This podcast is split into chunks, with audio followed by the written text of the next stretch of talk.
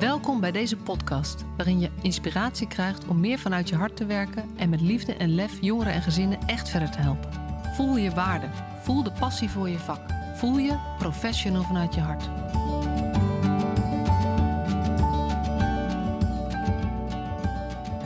Ja, superleuk dat je weer luistert. Een nieuwe aflevering van de Professional vanuit je hart podcast.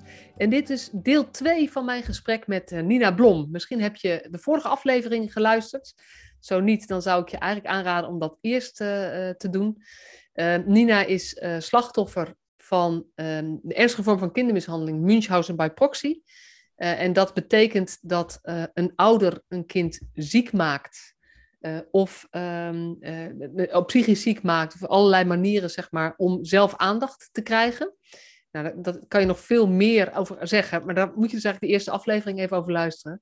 En wij waren al uh, bijna drie kwartier aan het praten en toen had ik nog duizend vragen. En toen uh, was Nina gelukkig zo, um, uh, zo flexibel ook en ook enthousiast om eigenlijk te zeggen, we gaan gewoon twee afleveringen maken. Dus ja. welkom bij deel 2, Nina. Ja, nou dankjewel, bijzonder, ja. ja. ja. dus... Ja. Um, en ik ga je dus ook niet nog een keer dezelfde vraag stellen.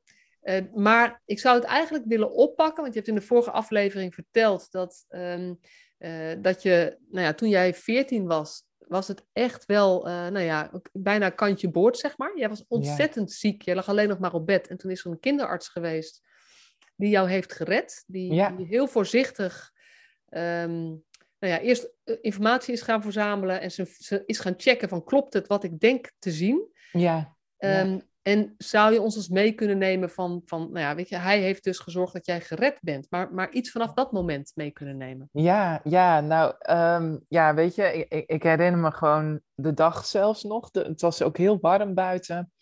Um, het was 2 augustus 1989. Ik ga nou heel in de detail.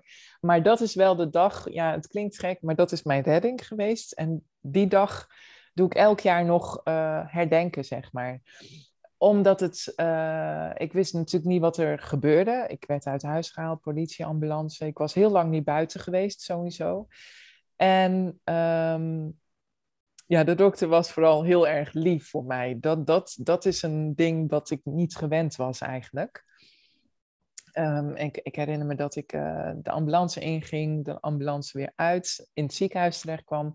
Alle zwachtels werden uh, afgehaald, bloed werd afgenomen. En uh, de zusters en broeders waren ook heel lief voor me. Die stelden me ook vragen.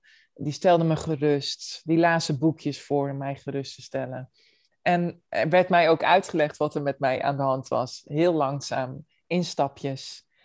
En ja, zo Want je had dat zelf niet in de gaten, of niet meer in de gaten? Ja, weet je wat het is? Kijk, ik wist wel dat er iets niet klopte en dat er iets een verband was met ik mag geen gezond kind zijn, maar dat dat überhaupt uh, mishandeling was, dat wist ik niet. Ik wist natuurlijk wel dat, dat ik me heel onveilig uh, voelde als kind. Um, maar zie dat maar eens uit te leggen. Zoiets is zo moeilijk te bevatten als kind, weet je. En uh, hoe is het mogelijk? Hoe kan dat toch? Ja. ja. En, want, jij, want je lag natuurlijk heel veel op bed. Je ging ook niet meer naar school. Dus je had ook, denk ik, geen contact met leeftijdsgenoten. Nee, helemaal niet. Ook niet nee. met andere gezinnen. Ook geen nee. andere voorbeelden. Nee, nee, nee. En, en, en mocht jij in die periode wel lezen of zo? Of, of had je iets van contact met iets wat buiten jullie huis gebeurde? Ja, nou, ik, ik had uh, de, de laatste, nou ja, dan praat ik over ongeveer uh, acht, negen maanden voordat ik uit huis werd gehaald, uh, heb ik nog wel eens boeken mogen luisteren van mijn moeder, zeg maar. En daarvoor boeken mogen lezen, bijvoorbeeld het boek van Anne Frank. Ja, die heeft zoveel, die heeft zoveel met mij gedaan. Ik zag Anne Frank dus ook echt als een vriendin. Uh, omdat ik me zo inleefde in haar verhaal en, en ook wel raakvlakken voelde of zo. Hè? Het opgesloten zijn, het niet naar buiten mogen. Uh, maar dat werd ook steeds meer van mij afgenomen. Dus ja, op een gegeven moment ging het maar in mijn hoofd verhaaltjes verzinnen. Um, mensen werden van me afgehouden omdat ik te ziek zou zijn. Dus ik zag ook echt niemand meer. En dat is wel een van de meest uh, verdrietige, eenzame periodes geweest uit heel mijn leven. Weet je, dat je geen contact heb. En ja, daar heb ik altijd wel naar verlangd. Ja.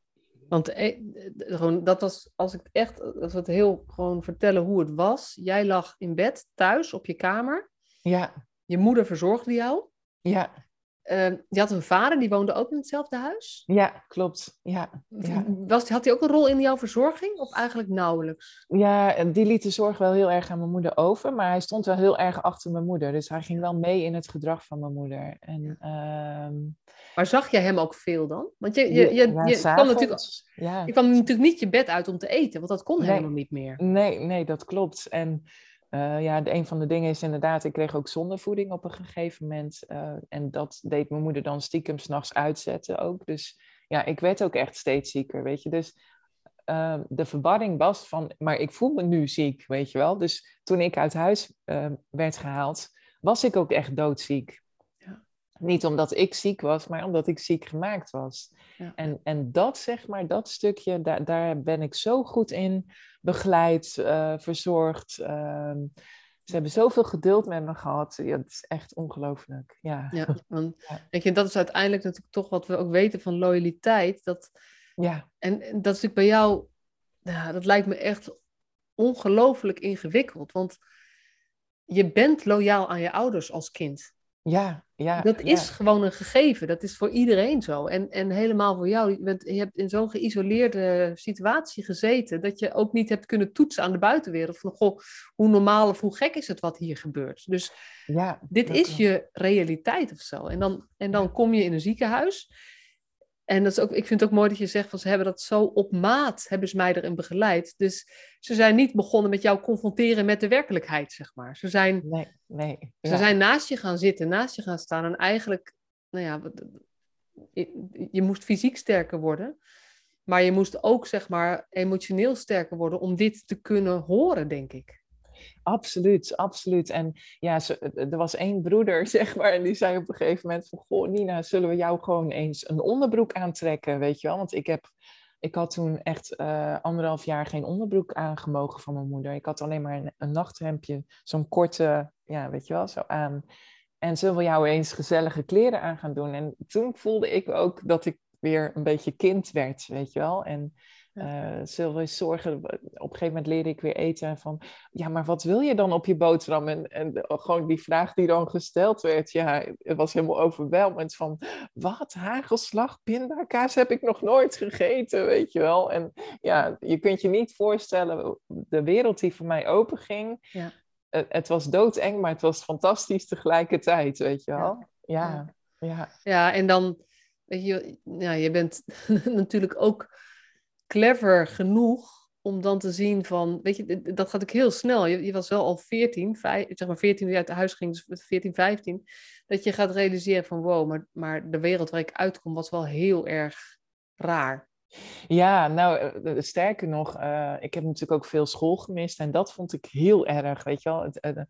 Eh, ik heb zeg maar tot mijn negende, was het voor mij een prestatie dat ik nooit was blijven zitten, om het maar zo te zeggen. Dat, elke keer hoopte ik van, ja, maar ik moet over naar de volgende, want ik wil met Claudia, mijn jeugdvriendin, weet je wel, wil naar de volgende klas. En dat ha- had ik gehaald. En de paniek die ik voelde toen ik niet meer naar school mocht, maar ook de paniek die ik voelde op het moment dat ik uit huis was gered en erachter kwam wat ik allemaal gemist had. Masha, dat was, dat, Ja. dat was paniek, weet je wel. Van, ik wist zo weinig wat er in, mijn, wat er in de wereld geleefd heeft. En ik, ehm, ik heb het eigenlijk nooit verteld, maar ik, ik heb me daar ook heel erg voor geschaamd om dingen te moeten inhalen, om eh, dingen niet te weten, weet je wel. Ehm, ja, Ja, ja. zo, je raakt me wel ook nu hoor, want het is Ja. wel...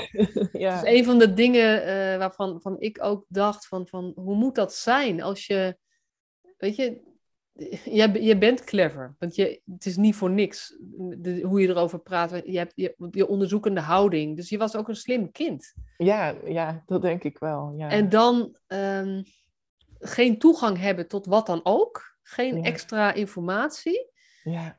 En dat dan weer op moeten gaan pakken en je realiseren van wow, dit, maar wat heb ik gemist? Inderdaad, wat je zegt.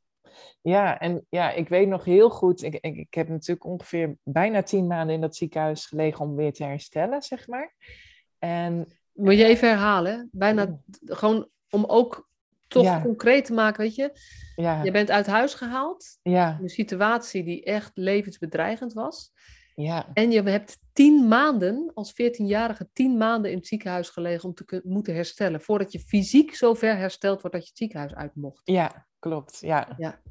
Ja, en, ehm, ja, en toen ben ik in een leefgroep terechtgekomen in een grote stad. En ik, ik, ja, ik weet nog dat ik ehm, uh, ja, begeleiding kreeg om, om onderwijs in te halen. Dus voordat ik naar school ging, kreeg ik eerst nog allemaal testen van welk niveau zit ik. En, uh, en ik weet ook nog van, ja, het enige wat ik me kon herinneren is dat er een Elfstedentocht in mijn jeugd is geweest. Ja, Anne Frank, daar, heb ik me natuurlijk heel erg in verdiept. Maar verder, ja, en de roddels uit de bladen die mijn moeder altijd las, weet je wel. Maar ik had echt heel veel uh, algemene kennis gemist, zeg maar.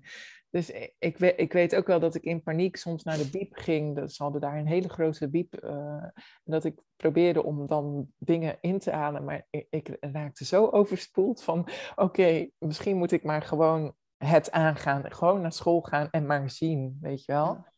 En het ging eigenlijk heel erg goed. Dus ik was heel gemotiveerd om alle stoffen tot me te nemen. Maar ik had natuurlijk wel veel gemist. En dus wiskunde bijvoorbeeld, dat, dat, dat was niet mijn sterkste vak, maar geschiedenis en andere talen en zo. En biologie vond ik heel interessant. En uh, ja, daar ben ik gewoon ontzettend veel gaan leren, zeg maar, ja. Want in je tijd, in die tien maanden in het ziekenhuis, is onderwijs nog niet opgestart. Dan hebben ze eerst fysiek Jawel, herstel. Ja, eerst fysiek herstel, zo langzaamaan een paar uurtjes. Want toen was er nog een uh, interne school, uh, zeg ja. maar, waar je lessen. Dat ja. is volgens mij nou niet meer. En dan ging je ook echt naar een schooltje toe waar kinderen die weer wat mobieler waren, waren daar dagelijks naartoe gingen. En dan kreeg je ook huis, uh, huiswerk op een gegeven moment. Uh, maar in het begin was ik daar nog helemaal niet aan toe, toen ik net gered was. Dus dat ging heel langzaam aan. Ja. Dus, uh, ja. En het is ook wel moeilijk, want je hebt dus te maken, ook, zeg maar, ik vertel ook even, te, hoe doe je dat dan? Want je hebt te maken met een slim meisje wat zoveel achterstanden heeft. Ja. Dat hij niet zomaar ergens kan instromen. Dus, dus waar ben je begonnen toen op 14? Uh, ging, ging je meteen naar de middelbare school? Of moest je echt een inhaalklus doen? Of... Nee, ik ben op een, op een VSO, uh, dus MAVO-VSO, voortgezet speciaal onderwijs. En uh, ja, nou, heel, nou heb ik zo'n fijne ervaring. Dat, het waren kleine klassen. Er zaten kinderen op die dus inderdaad ook achterstanden hadden. Of een, ja, weet je wel, of, of, of in een gezin onveilige situatie waren opgegroeid. Dus ik voel me daar ook heel veilig. Maar uh, ja, ik kreeg daar ook extra begeleiding. Dus ik deed één jaar langer over de MAVO. Dus ik kwam in de tweede klas. En in de vijfde ben ik afgestudeerd. Op de, op, maar, dus ik was 19, weet je wel. En als je het zo achteraf bekijkt, is dat, valt dat eigenlijk nog mee in vergelijking met wat ik allemaal gemist heb. Dus het was, ja, ja weet je wel. Tegelijkertijd, is, ik had heel veel gemist, maar ik moest ook weer heel volwassen zijn of zo. Ja. ja. ja. En uh, ja, heel toevallig, ik weet niet of ik dat even mag aankaarten, maar ik, ik had een, vorig jaar had ik die, die uh, de kinderen van uh, Reinerwold gekeken. En Marjan uh, vertelde dat uh, precies wat ik ook ervaar, weet je wel. Van, ze moest inhalen, ze moest volwassen zijn, ze moest zelfstandig leren worden. Uh, en dat was voor haar ook zo'n enorme taak. En ja, ik, ik heb echt ontzettend zitten huilen, omdat ik dat ook voelde. Van ja, ja, dat is ook zo. En dat vond ik ook wel weer heel mooi, weet je wel. Dat, dat ik niet de enige ben daarin nee. geweest, ja. Nee, wat dat, wat dat betreft is ja, zo'n wereldvreemd... Je bent wereldvreemd... Ja. En je hebt meer meegemaakt dan sommige mensen hun hele leven meemaken. Ja. En je moet leren kind zijn. Ja. En je moet meteen zelf je leven vormgeven. Dus het is ook zoveel Ja. tegelijk. Ja, maar te- tegelijkertijd vond ik het ook wel weer fantastisch, weet je wel. Ja. En ook omdat het contact met de kinderen ging buitengewoon goed. ik Maar dat is ook knap, hè? Ja, Dat jij, weet je, dat, dat die sociale ontwikkeling van jou. Jij hebt dus gewoon een aantal jaren eh, zonder. Want, dat is natuurlijk een van de dingen waar, waar nu heel veel zorgen over zijn. Dat de kinderen te weinig interactie hebben met leeftijdsgenootjes. ja, En jij moet zo'n power hebben, of, of wat het ook is, zeg maar, dat jij, ondanks het feit dat dat een aantal jaren ongeveer stil heeft gestaan, dat je het toch gewoon weer kon oppakken. ja, ja. En, maar ik, heb er ook altijd, ik ben er altijd over blijven dromen. Ik, ik heb altijd dromen gehad dat ik kinderen eh, mocht ontmoeten en hoe ik daar dan mee om zou gaan. Eh, maar ik vond het tegelijkertijd natuurlijk ook heel spannend van hoe gaan kinderen op mij reageren, weet je wel. Ik, ik weet niet alles. Ik Ben, ja, ik voelde me ook wel heel, ja, dom wil ik niet zeggen, maar ja, een bepaalde, bijvoorbeeld adreskunde. De, ik wist Ja, niet al, eh, weet je wel, ik wist dat allemaal niet. Ik moest, dat, ik moest heel hard leren om dat bij te benen, zeg maar. En eh, ja, als ik dan een keer iets zei wat niet klopte, dan werd daar gelukkig heel erg eh, grappig over gedaan. Of ja, weet je wel. Maar heb je, die, heb je toen die kinderen ook iets, of sommige kinderen iets verteld over waar je vandaan kwam? Want het is natuurlijk ook voor kinderen, Ja. je kan bijna niet aan andere kinderen vertellen dat dit jou is aangedaan. Nee, ja, op een gegeven moment heb ik wel ietsjes verteld, omdat het begon op te vallen, omdat ik nooit over mijn ouders sprak, zeg maar. Dus, en eh, het werd ook wel een beetje bekend. Eh, ik kwam altijd eh, eens in de zoveel tijd nog met mijn begeleidster van, van de kliniek, of van de, niet de kliniek, ja, kinder, ja, leefgroep, of hoe zeg je het? Leefgroep, daar was een schoolbegeleidster. En het viel de kinderen wel eens op van, je hebt het nooit over je ouders. En sommigen had ik het dus verteld. En de meesten reageerden daar heel goed op. En ja, er was maar eentje die heel erg bot reageerde. En die zei van, ja, ik mag niet meer met jou omgaan, want je zal een verkeerde invloed op mij hebben. Ja. Uh, maar eigenlijk, ja, het is ongelooflijk gaaf hoe makkelijk het contact toch verliep. Om, ik denk ook omdat ik, ja, weet je wel, omdat ik het heel graag wilde of zo, ja. En omdat jij bent, bent wie je bent. Want dat is natuurlijk, ik, ik vind wat, jij, wat, je, wat je zegt is. Uh, een van de dingen die ik voor kinderen, heel veel kinderen in de jeugdzorg verblijven, wat ik zo erg vind, is dat ze geen dromen meer hebben. Ja. En als je geen dromen meer hebt, dan, ga, dan ben je een beetje dood of zoiets. En dan ja. heb je Ja. niet meer iets om het voor te doen. En jij bent dus blijven dromen, Ja, zonder dat je misschien wist waarom. Maar dat is wel ook je redding, denk ik, geweest. ik denk het wel. En ja, als ik het allemaal zo achteraf bekijk, ben ik zo dankbaar hoe, hoe het allemaal met mij gelopen is en hoe ik het dingen heb opgepakt waar ik terecht ben gekomen. De mensen die ik me heb mogen ontmoeten. En uh, ja, weet je, ik heb natuurlijk ook wel een klein beetje pech soms gehad met mensen die niet het beste met me voor hadden, ook daarna, het leven daarna. Ja. Maar ja, en ik denk, ja, dat heb ik ook wel een beetje in mijn boek geschreven, omdat ik het belangrijk vond om, om ook de gevolgen van, als je zoiets hebt meegemaakt, dat je dus ook snel, ja, kwetsbaar kan zijn of dat, dat je eruit wordt gepakt als, zeg maar. Ja. Maar aan de andere kant nog steeds ben ik heel trots en blij en dankbaar uh, ja. ja. hoe het Ja. loopt. Ja. En um, want het viel de kinderen op dat je nooit over je ouders sprak. Kan je iets vertellen over nou ja, het proces of, of het contact met je ouders um, nadat jij uit huis bent gehaald? Ja, nou ja, um, ze kregen uh, het eerste half jaar um, verbleef ik in een ziekenhuis waar ik op één kamertje lag en dat noemden ze de boksen. Ja, boksen, glazen boksen, daar, konden de verpleegkundigen je goed in de gaten houden, zal ik maar zeggen. en daar was een camera geïnstalleerd. Dus mijn ouders kwamen onder toezicht van een camera op bezoek. En dat hebben ze in heel groot overleg gedaan met het team, hè, het, de psychologen en de psychiaters uh, die mij toen begeleiden. Want ze vonden eigenlijk dat uh, juist die loyaliteit van ja, als we Nina haar ouders niet meer op bezoek laten komen, ja, dat is ook niet goed. Dat zou ook traumatisch zijn.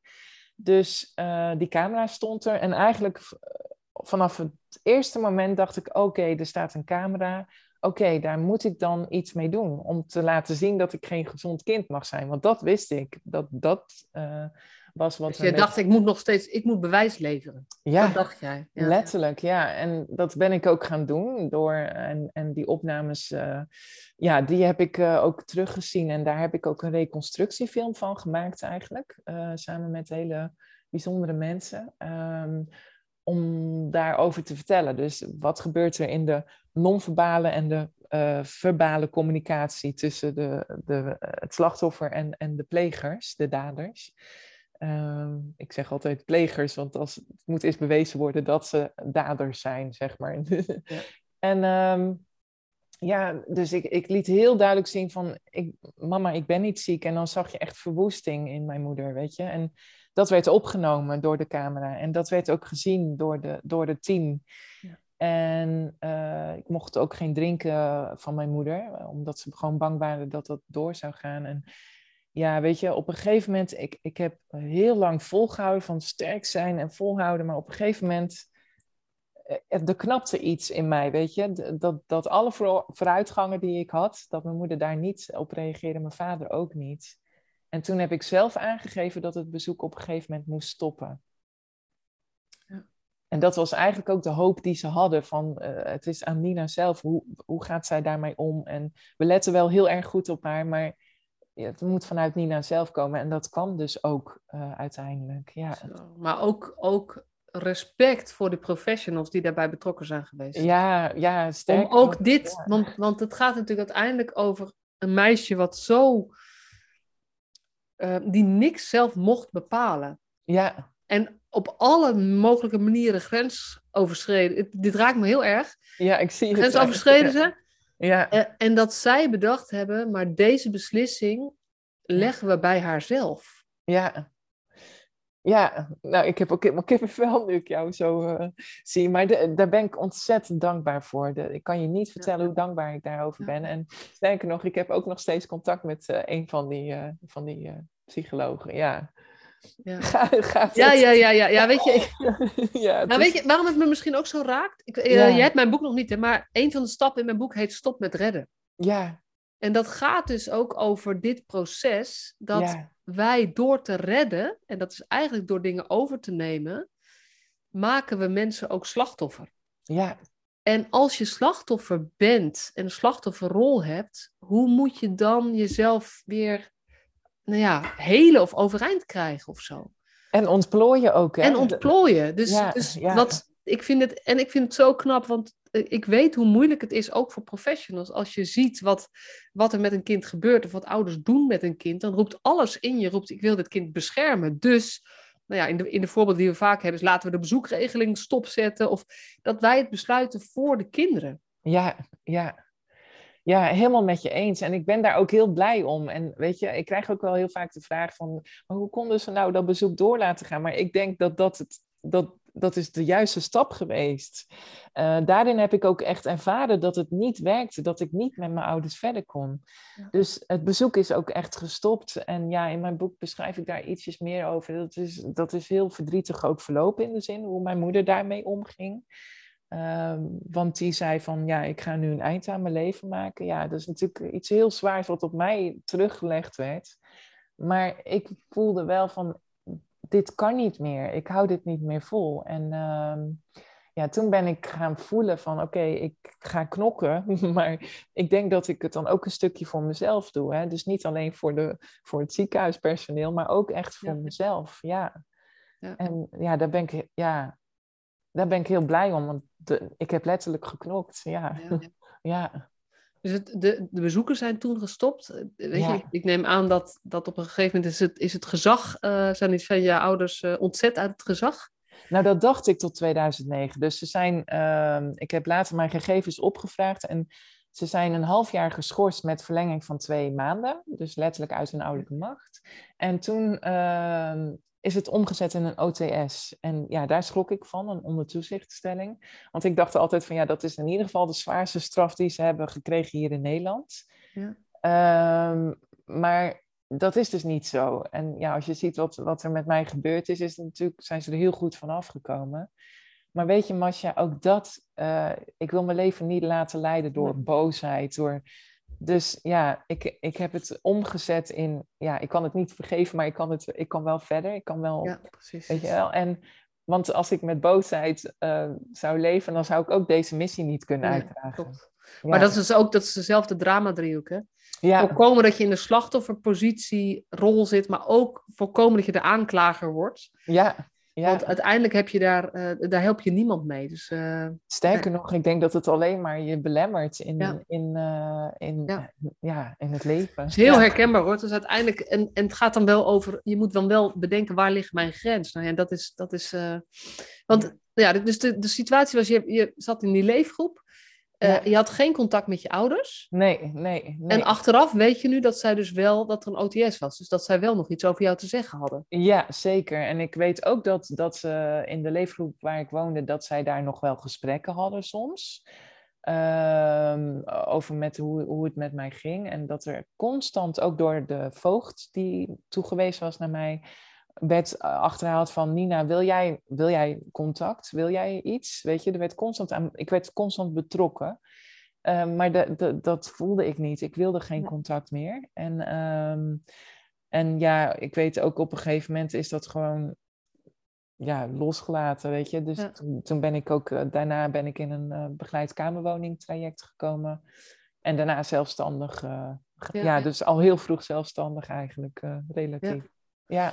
En hoe vind je, want, want ehm, hoe vind je dat de hulpverleners, dus na, na de ziekenhuisperiode, uh, die hebben dus contact wel gehad met jouw ouders. Uh, hoe, hoe, vind je, hoe, was het voor jou als kind, zeg maar, dat, dat zij toch wel contact met je ouders ook nog hadden? Ja, ik vond het soms wel eens moeilijk, want ik was altijd wel weer bang dat, uh, ja, weet je wel, je hebt altijd een stempel gehad van je moeder dat jij een verschrikkelijk kind was, dat jij moeilijk was, dat het aan jou lag. Dus ik vond het altijd wel moeilijk van hoe gaat het dan ontwikkelen of hoe, maar ik heb altijd wel de steun gevoeld en de begeleiding en de, dus die heb ik altijd echt gevoeld. En ook nog steeds contact met het ziekenhuis uh, die ik ook had. Uh, um, Marielle Trouw, die in mijn boek heel uh, belangrijke rol. Sterker nog, we hebben binnenkort hebben we weer een keer een afspraak, weet je wel, als het allemaal weer open kan. En um, ja, um, dus ik heb me wel altijd heel serieus genomen, heel betrokken ook gevoeld, zeg maar. Maar ja, ik denk ook dat zij hebben geleerd bijvoorbeeld om uh, ja, hoe je daar dan mee om moet gaan met zulk soort ja, ja.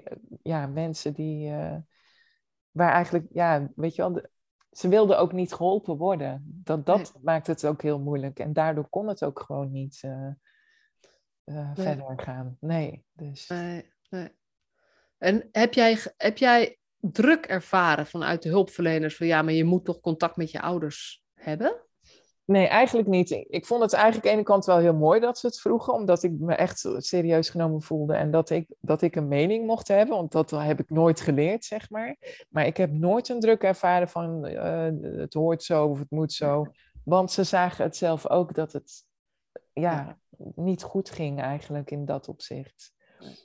Ja. Dus, uh... en dat is wel, ik zit eventjes te denken aan de trainingen die ik nu geef en ook mijn missie en verhaal wat ik vertel en waarbij ik eigenlijk altijd als insteek heb um, dat we kinderen en jongeren nu best wel vaak tekort doen, dat we heel erg naar de korte termijn kijken en wat is er nu aan de hand en dat ik eigenlijk iedereen meegeef, uh, joh, bespreek, heb het met de jongeren over, jongeren erover, joh, wie heb je nou die ook bij je blijft? Want wij zijn allemaal passanten. Ja. En wie komt er straks op je 25e verjaardag? En daar zit dan bijna altijd, en jij bent een van de uitzonderingen, maar bijna altijd zit daar toch die familie weer. Ja. Wat er ook gebeurd is. Ja. En nou ja, nu, nu luister ik naar jou en dan, ehm, ja, ik ben altijd wel, ik, ik hou altijd mijn eigen denkbeelden ook weer tegen, zeg maar gewoon, dat ik denk, ja, um, maar hoe is dat dan als zo'n vraag aan jou gesteld wordt, zeg maar. Weet je, ja. wat ik zo ontzettend verdrietig vind bij heel veel kinderen die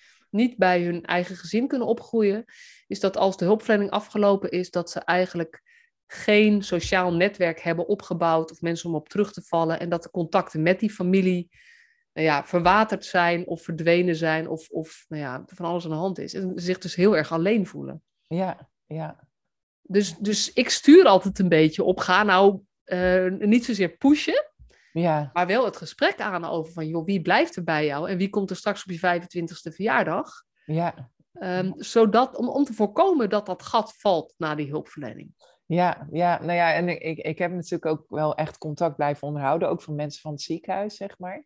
En uh, ik denk dat dat een hele belangrijke is. En ja, ik heb wel later, het traject later, zeg maar, na de leefgroep, dat ik naar de, naar de begeleide kamerwoning ging. Ja, daar heb ik wel ook wel heel goede begeleiding gehad hoor. Maar daar ontmoette ik op een gegeven moment dus uh, een man die niet het beste met me voor had. En daar ging het dus eigenlijk weer heel slecht. In de zin van, uh, ja, en achteraf bekeken had ik eigenlijk ook wel signalen kunnen geven. Maar ik had eigenlijk niet door dat ik weer in een uh, verstrik, verstrikte relatie terecht kwam.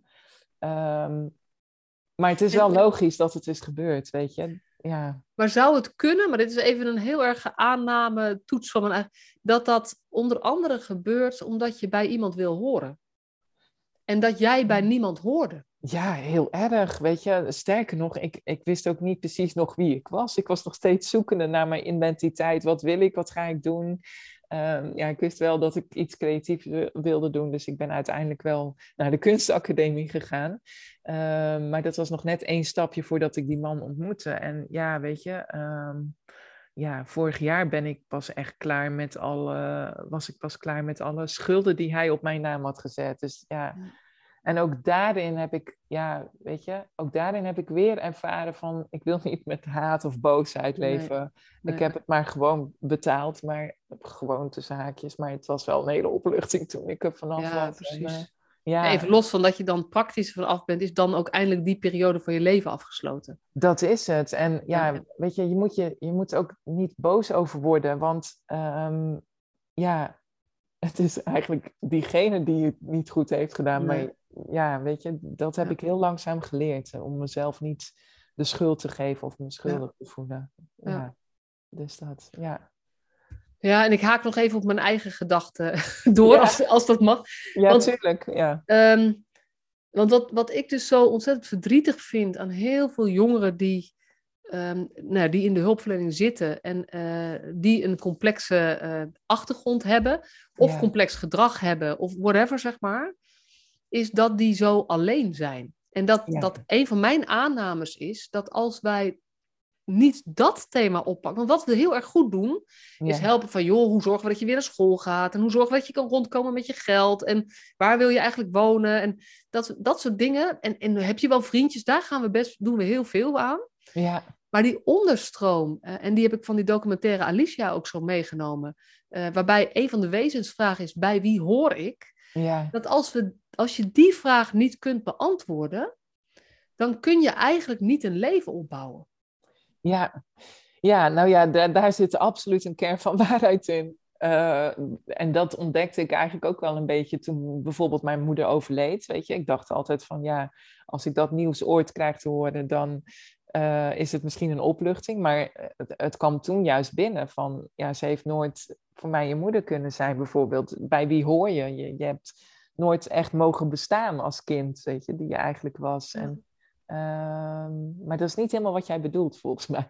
Nou ja, weet je, ook. Ik, ik, dit, is meer, dit, dit, gaat voor mij ook duizend kanten op. Ja, precies. Maar wat ik me dus afvraag is, is in jou, weet je, jij komt uit zo'n nare situatie. Je hebt besloten, ik wil, eh, ik wil en ik kan niet meer met mijn ouders. Dat, ja. dat gaat gewoon niet. Ja.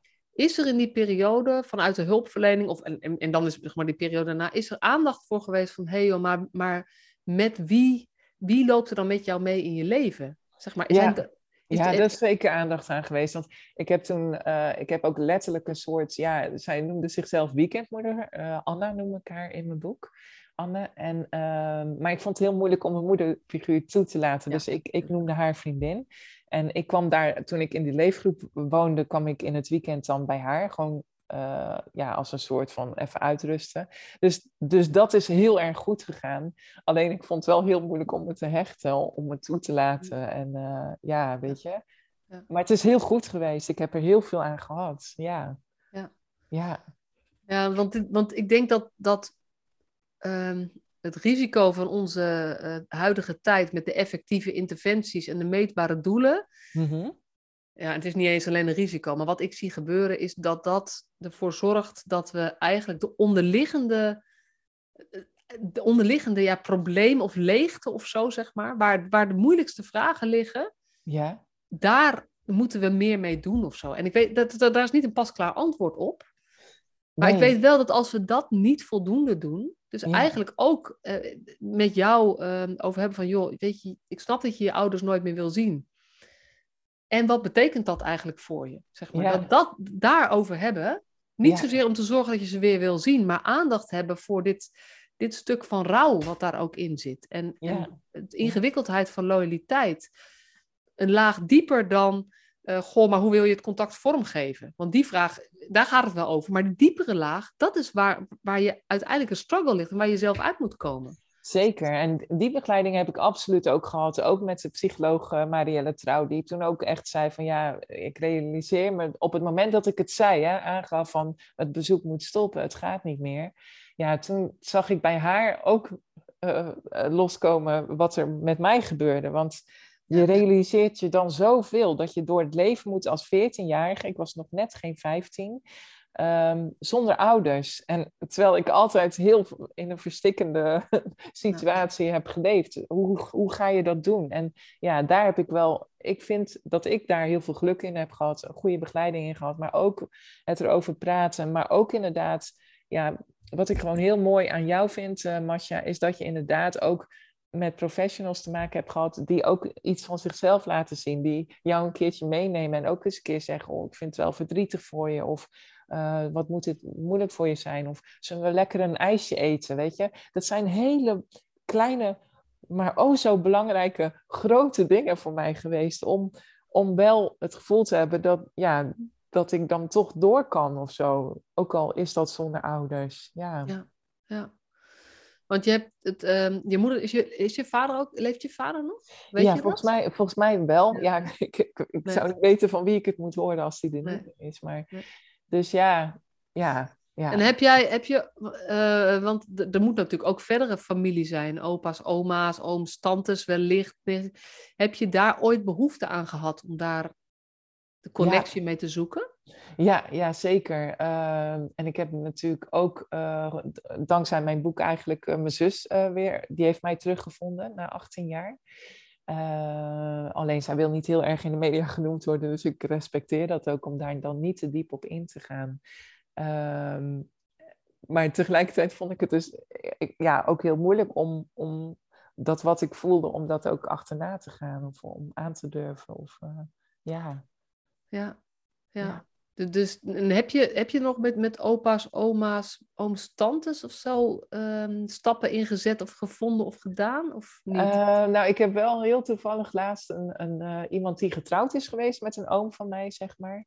Um, en die heeft al een paar keer gevraagd, ja, zullen we elkaar een keer ontmoeten? Maar ik vind dat nog steeds heel lastig. Ja, ik, weet, ik, ja. ja. Ja, ik vind ja. dat nog wel heel lastig. Ik vind het heel fijn of heel bijzonder, maar ja. Ja, ja. en het is ook, ik zit ook even te denken nu aan en het proces waar ik zelf in zit, zeg maar. Ja. Mijn, mijn ouders zijn overleden, ik had geen goede band met mijn, met mijn ouders.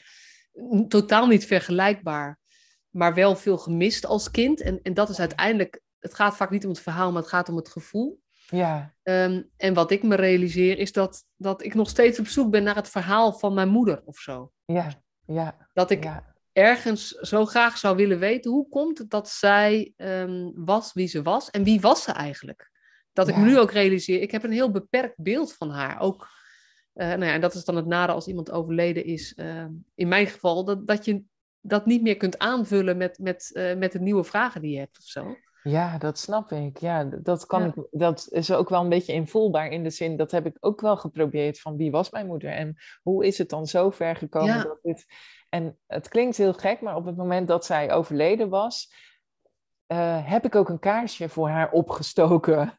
en ja. ik, ik voelde wel van, het, het, hier in huis kan het niet. Dus ik ben naar het balkon gegaan en ik heb gewoon echt hardop gezegd, er moet wel heel veel met jou gebeurd zijn. Ja. Um, maar ja, ik hoop dat je nu rust hebt. Maar ja, weet je, ja. dus ik heb wel hardop gesproken en geprobeerd te achterhalen. Ik zou dat inderdaad ook wel willen weten van wie was mijn moeder eigenlijk? Ja. Uh, en tegelijkertijd weet ik ook dat het ja, in mijn geval niet goed is geweest om, om het aan te houden. Dus nee. ik, ik, voel me daar ook niet schuldig over. Ja, ik heb er wel mee geworsteld hoor, maar ik voel me er nu achteraf gezien niet schuldig over dat ik toen dat besluit had gemaakt om het bezoek te laten stoppen. Nee, ik, ik weet je wat je vertelt en, en ik denk dat is, het is toen nodig geweest om überhaupt een eigen iemand te kunnen worden. Ja. Maar goed, het heeft ook met levensfase, denk ik, te maken dat vragen op een andere manier terugkomen. Ja, zeker. En, en uh, nou ja, ik ben er dan zelf mee bezig en uh, dat ik ook. Uh,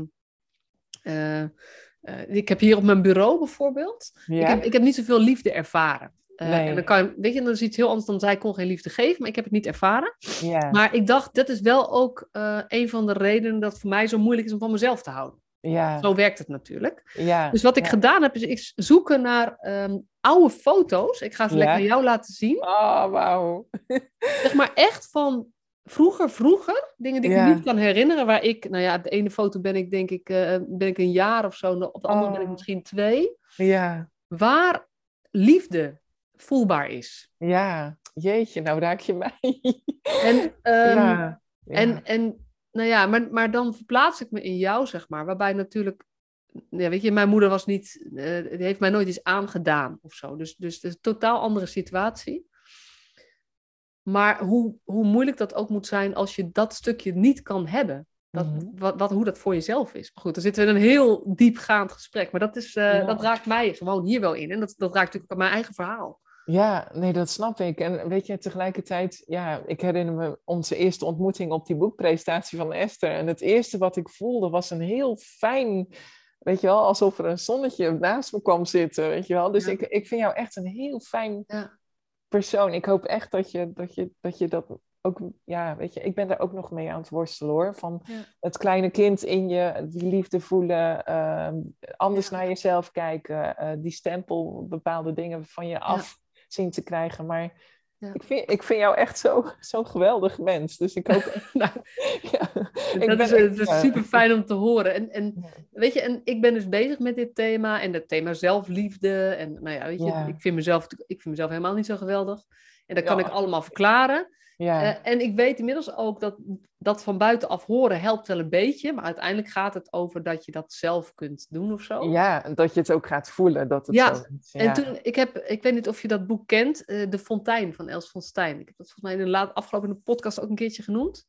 Dan ga ik toch eens achteraan dan. Ja, uh, en, um, wat, en dat is dus een van de redenen dat ik nu ook met mijn moeder zo bezig ben. Dat, dat uiteindelijk zelfliefde iets te maken heeft met ook toch je ouders in volledigheid kunnen zien of zo. Ja. En dat, nou, mijn pijnlijke ontdekking van de laatste tijd is dat ik, een van de dingen is dus in hun positieve en minder positieve kanten. Mm was ik aan het nadenken van welke kwaliteiten had mijn moeder eigenlijk, welke positieve eigenschappen, en dat ik stil bleef.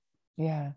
En dat ik dacht, en, en dat is in dat boek komt naar voren, ja, als je dat niet kunt zien, ja. kun je nooit jezelf helemaal op waarde zien. Dus dit is mijn persoonlijke uitdaging. Wauw. Ja. En, en ook wel een zoektocht van, van ja, en hoe ga ik, weet je, ze is al, uh, ze is al uh, ze is 2014 overleden. Ja. Mijn vader is overleden. Ja. Uh, dus, dus nou ja, en hoe ga je dat dan dus vinden en zoeken? Nou ja, en, dus dat is mijn proces eigenlijk waar ik in zit. En, ja, ja, jeetje, ja. Ja, nou ja, het is inderdaad ook, ook wel een beetje een rouwproces in de zin van wat je niet hebt meegekregen. En ja, dat herken ik wel wat je schrijft. Of wat je zegt, bedoel ik. Sorry. Ja, ja en, en ook, dat, ook die dubbelheid van het, weet je, ik, ik mis mijn moeder. Um, en, en dat, ik kan me goed voorstellen dat je een kaarsje voor haar brandt, zeg maar. Ook, ook want, want ze is de dader, maar ze is ook je moeder. Ja, ja al, al, voelt dat heel gek eh, als je dat zo zegt tegen mij, maar het is wel zo. En uh, ja, ik weet ook nog heel goed dat ik ontzettend aan het huilen was, omdat ik ineens voelde wat ik had gemist. Eh, en, dat, en, en, dat, dat mijn vriend me letterlijk oppakte en zei van, ja, maar luister meid, ik ben zo blij dat jij bestaat, want niemand heeft dat tegen jou gezegd, maar je, ik ben echt heel blij dat je in mijn leven bent. En toen dacht ik van, ja, dat kwam zo binnen toen.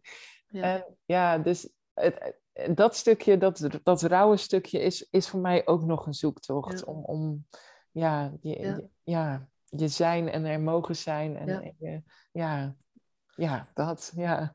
Ja, en, en dat is dat dit thema, zeg maar, dat weet je, dat is natuurlijk omdat het mijn eigen levensthema is, maar dat, ik realiseer me zo goed dat als je een ingewikkelde jeugd hebt, is dit thema nog zoveel ingewikkelder dan wanneer je het, weet je, iedereen, overal is wel iets, maar dan wanneer het wat, wat minder ingewikkeld is, zeg maar. Absoluut, er komt heel veel bij uh, kijken, ja. Ja, en, en dat ik denk van ja, dit is iets waar we onze jongeren die nu in de jeugdzorg zitten, um, weet je, deze thema's, die, dat zijn de thema's die uiteindelijk voor het leven er ook toe doen. Ja, dus, dus ik ben heel blij om te horen dat jij gemerkt hebt dat mensen je ook hierin wel naast je zijn gaan staan. En ook gaan denken, van, ook beseften, dit moet moeilijk voor jou zijn. Ja, ja, nou, eh, absoluut. En ja, dit gesprek raakt mij ook om Marcia. ja, en dat is ook oké, denk ik. Ja. Dat, dat, mag er ook zijn. En ik denk dat het ook goed is voor anderen om dit te horen. Ook voor jongeren die er nu mee worstelen. en, uh, ja. ja ik, zit, ik, zit, ik zit mijn tranen weg te pinken. Als jullie je afvragen waarom Nina lacht. Ja. Maar daarom dus. Uh... ja. Dus ja, maar mooi, mooi dat dit gesprek zo uh, ontstaat. En, uh, ja, ja. ja nou, dit zijn wel de echte dingen waar het over gaat of zo. Dus als ik het heb over liefdevolle, gelijkwaardige jeugdzorg, zoals ik het dan noem, zeg maar, is ook maar een naampje. Maar voor mij zit daar ook wel heel erg in dat we deze laag er veel meer bij, uh, bij gaan betrekken. In plaats van vooral in het praktische kijken hoe we de jongeren verder kunnen helpen of zoiets, zeg maar. Want ja. die, er zit dus gewoon, die, jij hebt ook gewoon een hele identiteitsissue gehad. Waardoor je heel gevoelig wordt voor iemand die jou een identiteit geeft, maar eigenlijk misbruik van je maakt. Ja, nou zeker. En dat was ook een hele worsteling om daaruit te komen. Maar tegelijkertijd was het ook weer moeilijk om me te hechten. Dat klinkt heel de. Je wil, je wil eigenlijk meegaan met iemand, maar tegelijkertijd is het moeilijk. En als er dan iemand is die misbruik van je maakt, ja, ja, dat, dat, ja dus dat heeft heel veel impact. En ja, weet je, dat is ook wel de reden waarom ik het toch iets openlijk over vertel. Omdat, omdat het gewoon heel, heel realistisch is dat dit kan gebeuren.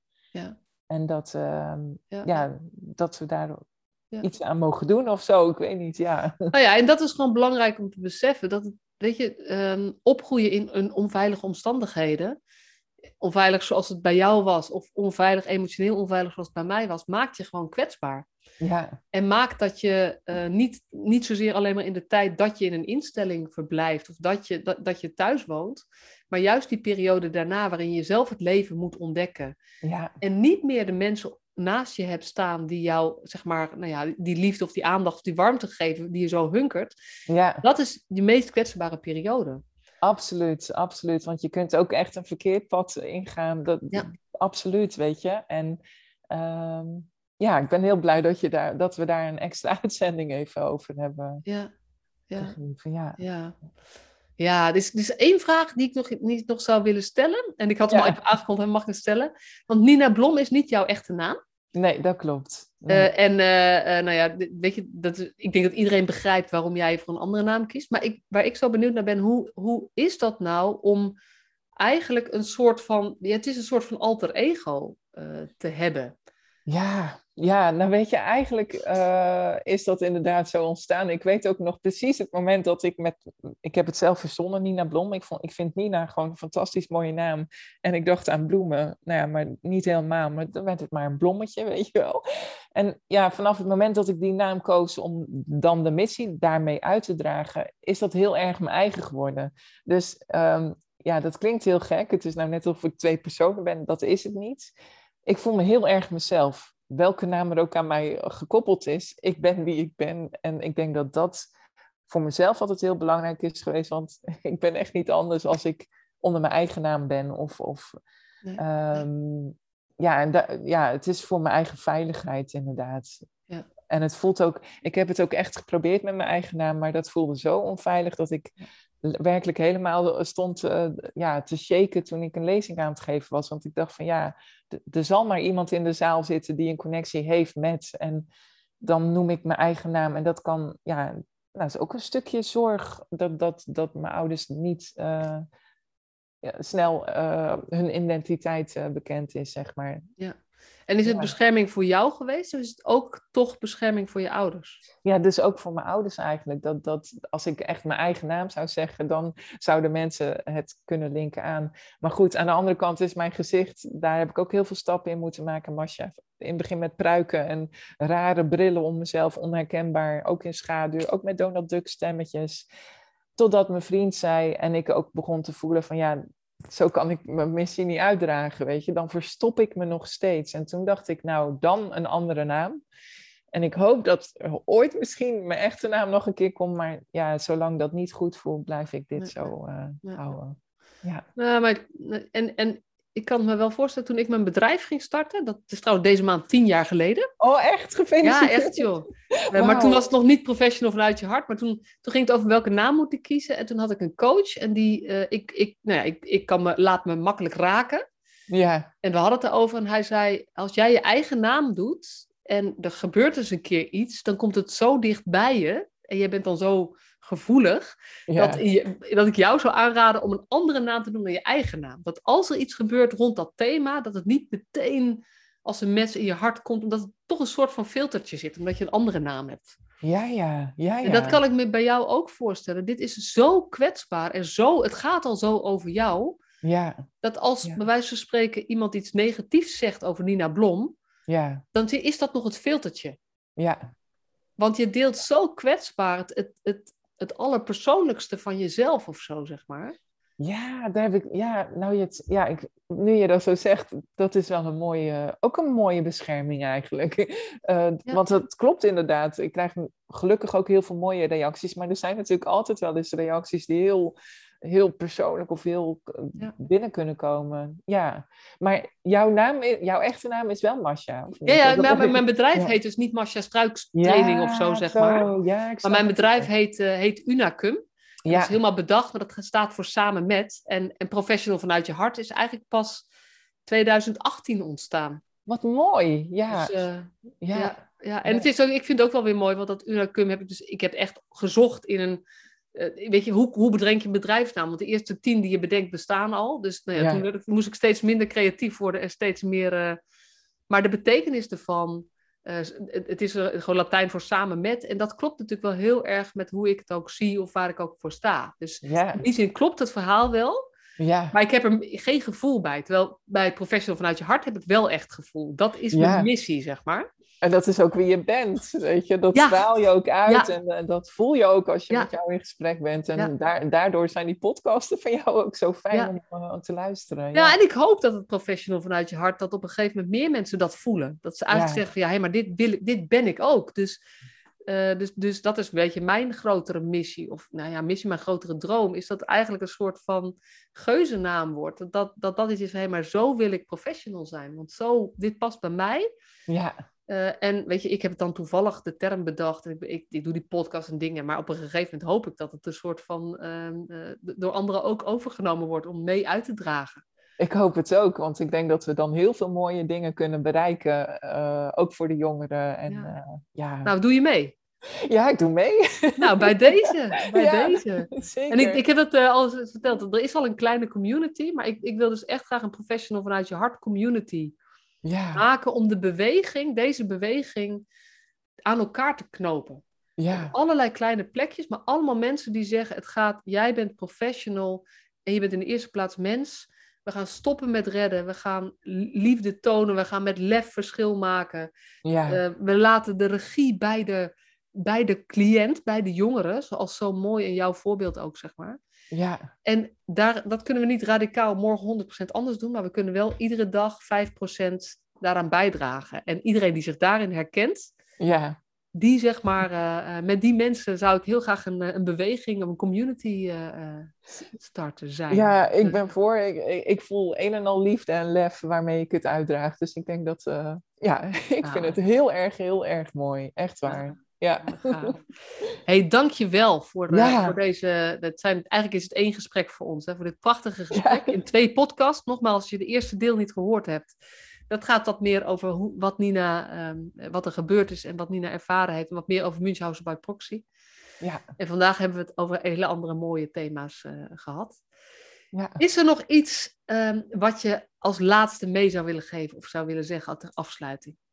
Ja, nou ja, weet je, inderdaad, als je, als je iets ziet waar, waar je geen uh, goed gevoel bij hebt, doe er iets mee. Volg je hart, en, en, uh, maar zie ook de feiten. Dus feitelijk moet je natuurlijk wel uh, kunnen onderbouwen wat er dan niet klopt, maar volg ook vooral je hart daarin, denk ik. Ja. ja.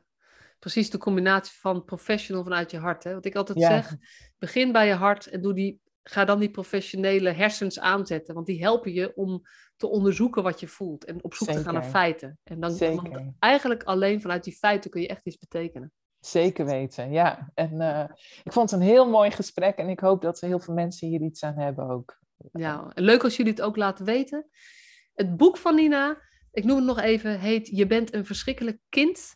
Te bestellen gewoon overal waar je maar, uh, waar je maar komt, zeg maar. Dus bij de plaatselijke boekhandel, bij bol.com en vast ook direct bij de, bij de uitgever. Maar, Zeker, ja. Ehm, weet je, dit is, het is een verhaal um, wat je raakt en wat je dat, dat gaat over Münchhausen bij proxy, over Nina de ervaringen, maar waar zoveel meer lagen in zitten, wat ook gaat over kinderen in onveilige opvoedingssituaties, wat ook gaat over wat betekent het als je zo'n start hebt gehad in je leven. Um, en wat ontzettend veel haakjes geeft, waar je als professional kan denken: hé, hey, maar die 5% meer liefde en lef, ja. kan ik op deze manier vormgeven. Ja. Dankjewel. Jij ook. Heel erg bedankt.